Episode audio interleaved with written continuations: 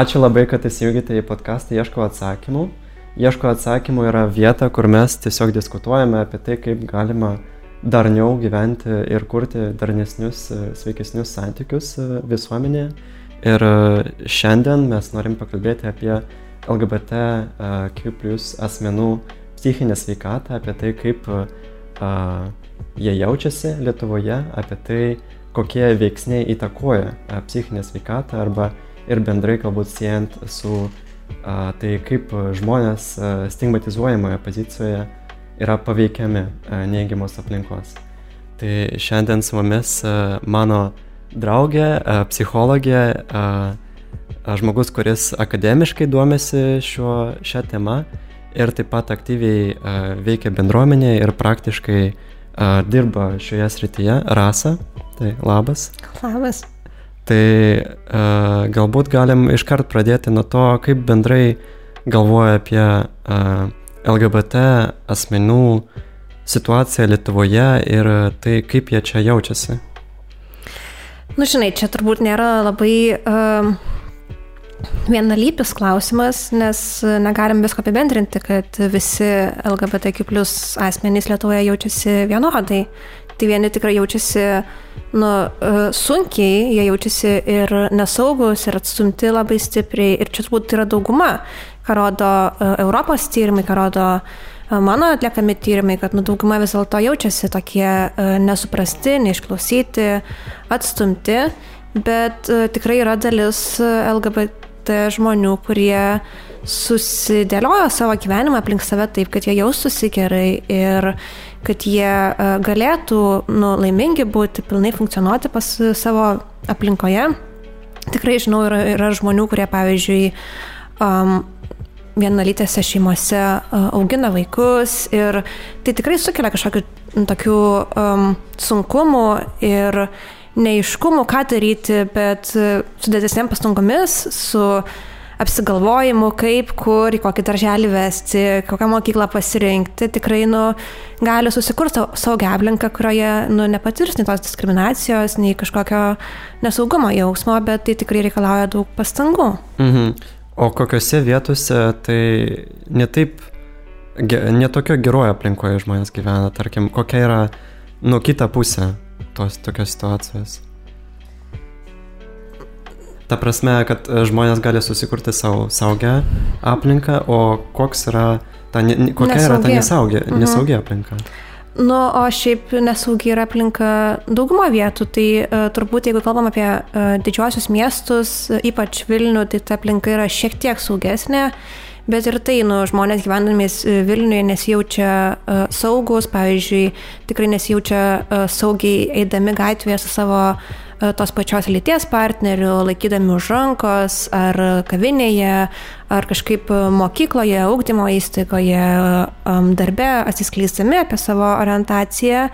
Ir jeigu žmonės gyvena jau net nedidmestyje, gyvena kažkokiuose mažesniuose miesteliuose ar kaimuose, tai ta aplinka iš viso pasidaro nesaugi ir kyla didelė mm, užpolimo grėsmė, tokio uh, fizinio užpolimo grėsmė, tikrai daug mm, žodinių įžeidimų, psichologinio smurto patiria LGBTQ plus asmenys. Tai tokia bendra visuomenė, nu, su tom mažom uh, išskirtim, kuriems tikrai pavyksta susikurti saugią aplinką, tai nu, tikrai yra nesaugi Lietuvoje kol kas uh, LGBTQ plus mm. asmenėms. Ypač ko, jeigu jie um, nu, nebijo būti savimi. Mhm. Vienas iš tų dalykų, kurie man atrodo įdomus, kad uh, žmonės uh, labai bando uh, atsargiai elgtis su šeima. Ir tarkim, jeigu tai yra kažkoks jaunuolis atvažiuojantis į Vilnių, tada labai dažnai gali būti kažkokie tokie nelabai uh, saugus santykiai su savo šeima, kuria gyvena ne, ne Vilniui, tarkim. Kad Vilniui tu gali susikurti savo kažkokią saugumo uh, burbulą, bet jeigu važiuojant gal pas e, šeimą, tada kažkaip e, nelabai gali būti pavojingas situacijas. Gal, mm. o, ką, o ką galvoja apie tokios patirtis? Taip, tai čia nu, mes taip vadinam psichologijos tokiu dvigubų gyvenimu, kad e, iš tikrųjų dažniausiai pastebima ir kitose šalise, ypač kuriuose yra nepalanki LGBT plus asmenėms padėtis, tai yra nu, LGBT asmenys, jie tikrai gyvena tokiam kaip ir dvigubam gyvenime. Viena vertus, būdami su draugais, būdami kažkokiam savo pagrindinėme mieste, kaip sakai, Vilniuje, kokiam Kaune, galbūt irgi, e, Klaipėdoje gal irgi, nu, jie tikrai gali būti savimi, gali būti atsiskleidę, e, ten ir universitete, ir darbe, bet tikrai yra vietų su giminėm, su šeima, galbūt su kažkokia kita bendruomenė, kurie nesaugiai jaučiasi ir turi kiekvieną kartą galvoti. Ir, nu, atrodo, kad, žinai, jeigu tu grįžti pas savo šeimą tik šventėms, tai čia nieko baisaus yra, kad tu ten turi galbūt šiek tiek taip pagalvoti, ką sakai, kažkaip slėpti dalį savęs, bet tas toks nuolatinis atskirimas uh, pasaulių dviejų savo, jis tikrai uh, veikia psichologiškai asmenis, nes kiekvieną kartą tu turi galvoti, ką pasakai, ką kam pasakai ir galvoti, ar šitas žmogus nesusisieks su mano uh, šeima, pavyzdžiui, ar šitas žmogus nebus um, tas, kuris galėtų mano darbovietėje pasakyti, galiausiai, ar aš šitam žmogui sakiau kažką, kiekvieną kartą mm. turi apgalvoti, nu, ką tu gali dalintis, o ko tu negali dalintis mm -hmm. ir negali būti toksai tiesiog savimi, savi laisvai reikšti. Kiekvieną kartą reikia apgalvoti. Tai tai tikrai um, kelia daug distreso, man atrodo, uh, asmenims ir nuovargį tokį psichologinį nuolatinį kelią, nes tu visą laiką turi būti įsitempęs ir galvoti, apie ką tu kalbė, ką tu darai, ką tu rašai socialiniuose tinkluose, nes gali pamatyti žmonės, kurie tu nenori, kad pamatytų. Ir tai, man atrodo, nu, mm, žmonėms, kurie negyvena tos dvigubo gyvenimo, net turbūt neįsivaizduojama, kiek vienoj srityje slėpimas gali paveikti tavo visą gyvenimą. Tai kaip suprantu, sakai, kad tas dvigubas gyvenimas yra vienas iš tokių stiprių veiksnių, kurie lėmė tą psichinę sveikatą. O kokie gali būti kiti galimi veiksniai? Ypač aš galvoju apie uh, homofobiją ar kitas stigmas, kurie veikia nu bendrai visam žmogaus gyvenime.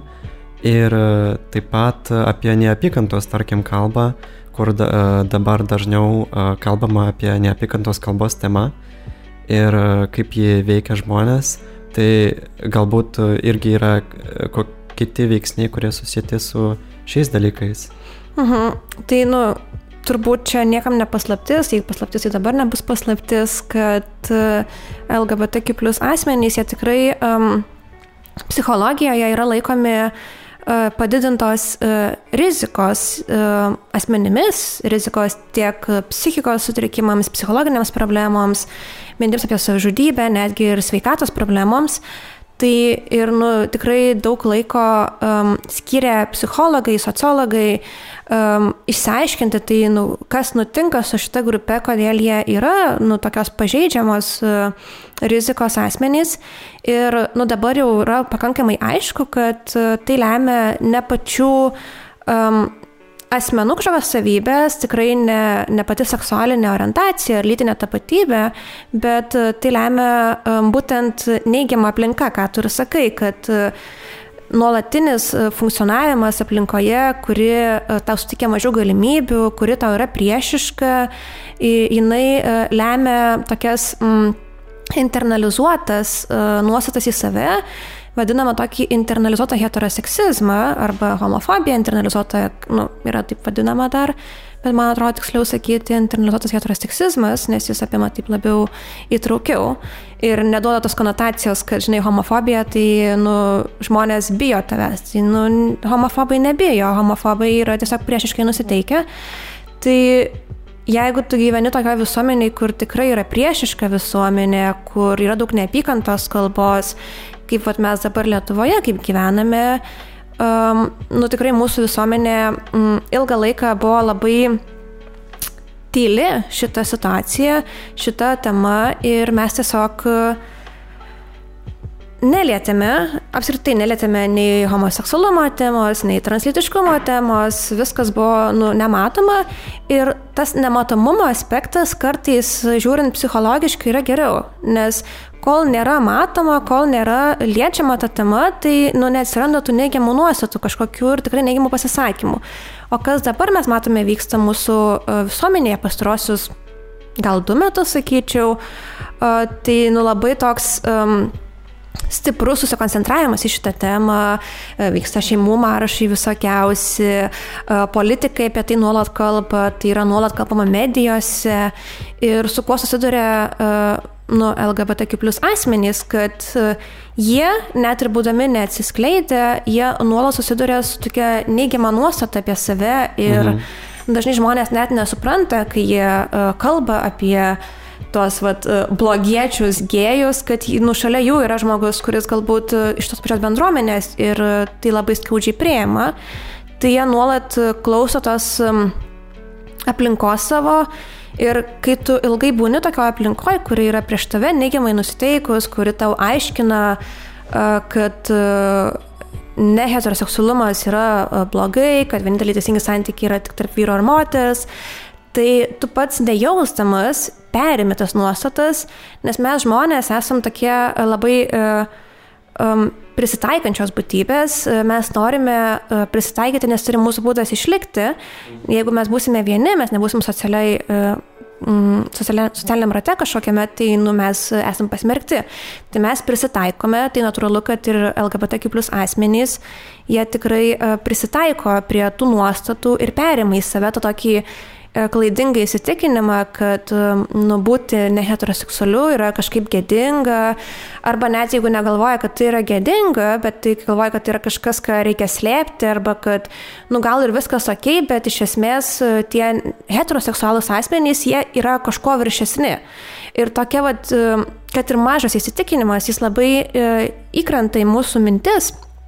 Ir jis lemia vėlesnės visas um, elgesio modelius. LGBTQ plus asmenų, jis tikrai gali lemti ir vengimą atskleisti savo e, seksualinę orientaciją įvairiose aplinkose, kas gali e, lemti tada tokį šį pasitraukimą į save, e, nes kai tu pradedi negali atsiskleisti, tu negali būti pilna vertiškai atviras su kitu žmogumi, tu uh, turi galvoti, kaip jau minėjau anksčiau, ką tu pasakysi.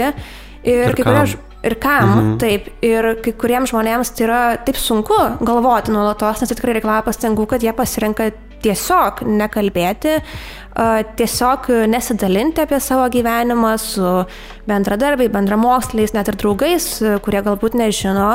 Ir tada socialinis ratas labai stipriai sumažėja ir tas toks pilnavertiškas santykis, jis irgi patampa toks nebeegzistuojantis nes e, asmuo tiesiog e, bijo e, dalintis, bijo pasirodyti, kad jis yra kažkoks netinkamas, nes turi tokį gilų įsitikinimą, kad, nu, aš esu netinkamas ir tai, kas aš esu, nu, reikia tai slėpti. Mhm. Na nu, tai aš tiesiog bandau taip vizualiai kažkaip įsivaizduoti, ką, ką reiškia jaustis nu tokiu žmogumi, tokioje pozicijoje, kad internalizuoji tas nuostatas iš aplinkos, labai pasidarai uždaras, nesidalini su kitais.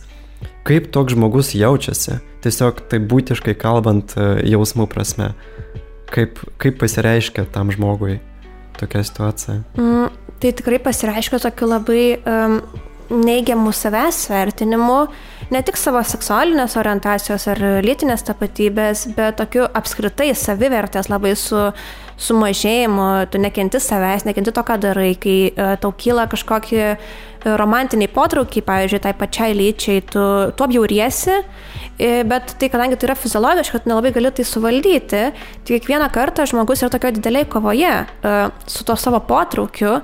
Ir aš manau, kad tie žmonės turėtų jausis labai pavargę ir, nu, pavargę, taip pat tokie labai prislėgtos nuotaikos, um, labai tokie uh, susitelkę galbūt į save ir liūdni, um, tikrai yra išgyvenamas toks labai stiprus beviltiškumo jausmas ir beprasmybės jausmas. Vat, pavyzdžiui, aš dabar atlikau tyrimą būtent Lietuvos e, imtyje su LGBTQ plus asmenimis ir būtent su šitu internalizuotu heteroseksizmu.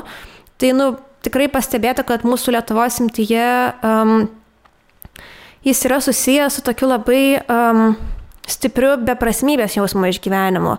Tai uh, žmonės jaučiasi tikrai uh, beprasmiškoj padėti, žmonės jaučiasi padėti, kurioje jie yra nu, įstrigę be galimybės išeiti.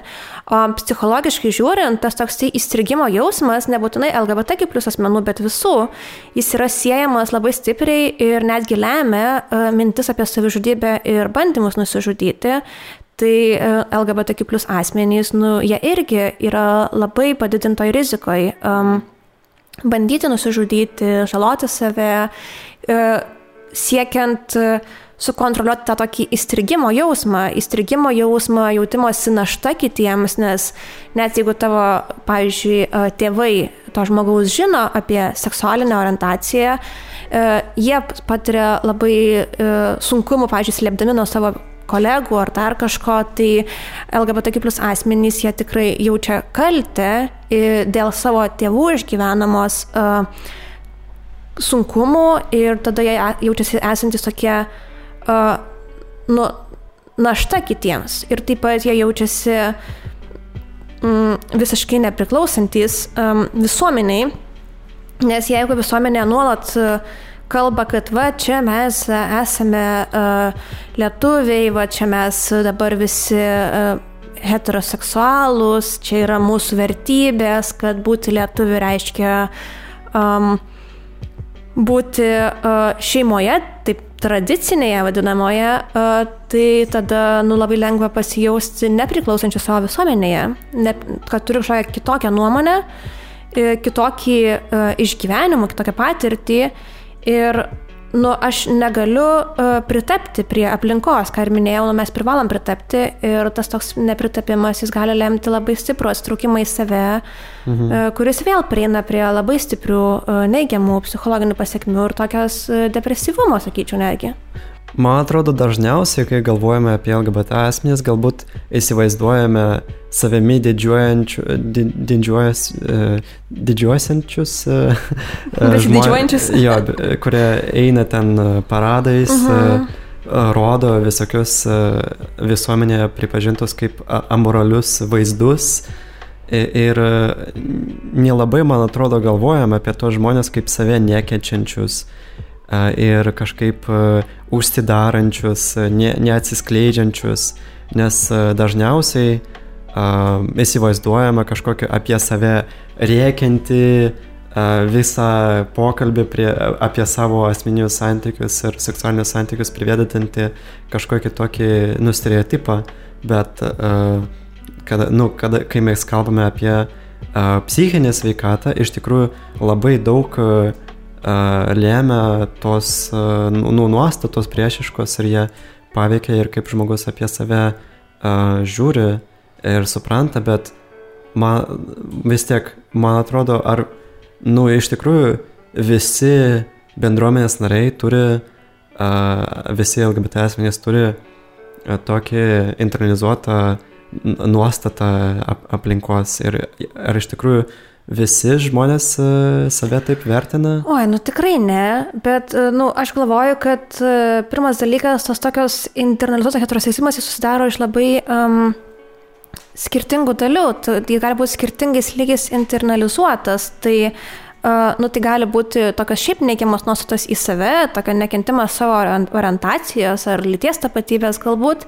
Čia toksai, nu, skaičiau, visai ekstremalus e, išraiškos būdas, bet yra ir tie, kur, nu, vengimas. E, vengimas tapatinti su bendruomenė, vengimas parodyti savo uh, identitetą uh, dėl objektyvių priežasčių, dėl to, kad nesaugu yra Lietuvoje. Ir uh, Šitie va, duomenys mane neramina, kadangi remintis e, Europos tyrimais įvairiais, e, nu, nes dažniausiai Lietuvoje yra atliekami būtent e, Europos tyrimai šitoje srityje, tai rodo, kad virš 70 procentų, tai nu, 7 iš 10 LGBTQ plus asmenų Lietuvoje e, vengia apskritai atsiskleisti, vengia viešai paimti savo partnerį už rankos, vengia kalbėti apie savo seksualinę orientaciją, apie lytinę tapatybę ir yra taip labai užsidarę. Tai yra labai didelis procentas ir, tik, ir tikrai yra žmonių, kurie yra atviri, drąsūs, bet man atrodo, kad atviri, drąsūs ir neinternalizavę visiškai nieko yra, uh, nu taip, arba maža dalis, arba uh, labai selektyviai. Ir uh, man noris irgi pastebėti tas stiprybės, uh, stiprybės uh, LGBTQ plus asmenų, kad nu, ne visi yra taip uh, neigiamai uh, žiūrintys į save, kai kurie uh, pasirenka uh, neatsiskleisti, vengti kažkokio tokio interakcijų. Uh, ne dėl to, kad jie nekenčia savęs, bet dėl to, kad nu, jie supranta, kad tai yra nesaugu. Ir mhm. labai svarbu yra išlikti saugiems visiems. Ir nu, jeigu jauti, kad tai dar nėra ta aplinka, kur tu galėsi skleisti, kad tai gali uh, tau sukel kažkokias um, kliūtis ateities, nežinau, karjeroje ar dar kažkur, nu, tu tikrai turi pasverti ir pagalvoti, ar tikrai man verta tai padaryti, nes tu rizikuoji labai daug. Mhm. Bet tuo pačiu asmenys, kurie... Mm, turi LGBT plus draugų, kurie yra įsitraukę į aktyvizmą ar tiesiog tokias neformales veiklas, kažkokias kartu su kitais bendruomenės nariais, jie uh, tikrai pasižymi labai uh, stipriai mažiau išreikštų internalizuotų heteroseksizmų, nes uh, buvimas kartu su kitais, buvimas LGBT bendruomenės veiklose ar tiesiog bendravimas su kitais LGBTQ plus asmenimis, jis padeda normalizuoti savo patirtis.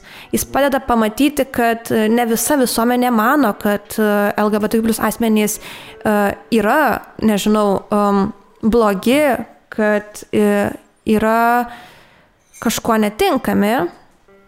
Tai tai labai padeda kompensuoti. Tai ta bendruomenės, man atrodo, veikla, tai kuo labiau žmonės yra įsitraukę į bendruomenę, tuo jiems yra um, lengviau priimti save ir lengviau uh, turėti uh, geresnę psichologinę gerovę. Bet kita vertus, nu, man atrodo, čia, žinai, uh, svarbu sureikšminti šitą temą, labai svarbu su atkreipti visuomenės dėmesį į tai, kad yra nu, dalis LGBTQ asmenų, kurie uh, yra stipriai internalizavę savo e, šitas neigiamas nuostatas. Ir mano nutyrimas, kur dabar aš likau, jis irgi rodo, kad Lietuvoje tas internalizuotas heteroseksizmas yra vienas didžiausių lyginant su kitomis šalimis, didžiausias, didesnis negu Europoje, didesnis negu Kroatijoje, negu Ispanijoje, negu Estijoje, net negu, netgi daugiau negu Rusijoje, kur mhm. atrodo Rusijoje iš viso yra nu, labai priešiškos nuostatos į heteroseksualius asmenis, nu tai kažkas reiškia negerai mūsų visuomenėje. Bet Rusijoje gali būti didesnė bendruomenė ir galimybė kažkaip atsiriboti nuo neigiamų dalykų Va, ir užsidaryti būt. būtent ten, kur turi parama kažkokia. Mhm. Ir man, aš neseniai dalyvavau mokymuose ir neprisimenu, kokia tiksliai iš kur statistika buvo paimta ir koks tyrimas, bet man atrodo iš visų ES šalių Lietuvoje ma, didžiausia dalis žmonių nesiskleidė. E, palyginus su bet kokiam kitom šalim. Ir, e, nu, iš tikrųjų, e, net jeigu tu labai gerai apie save galvoji, vis tiek, nu, pasirenki kam ką sakyti ir yra, nu, kaip tu sakai, yra psichologinės pasiekmes to tokio uždarumo ir kad tai paveikia emociškai tuos pačius žmonės visus, net jeigu jie didžiuojasi savimi ir labai gerai galvoja.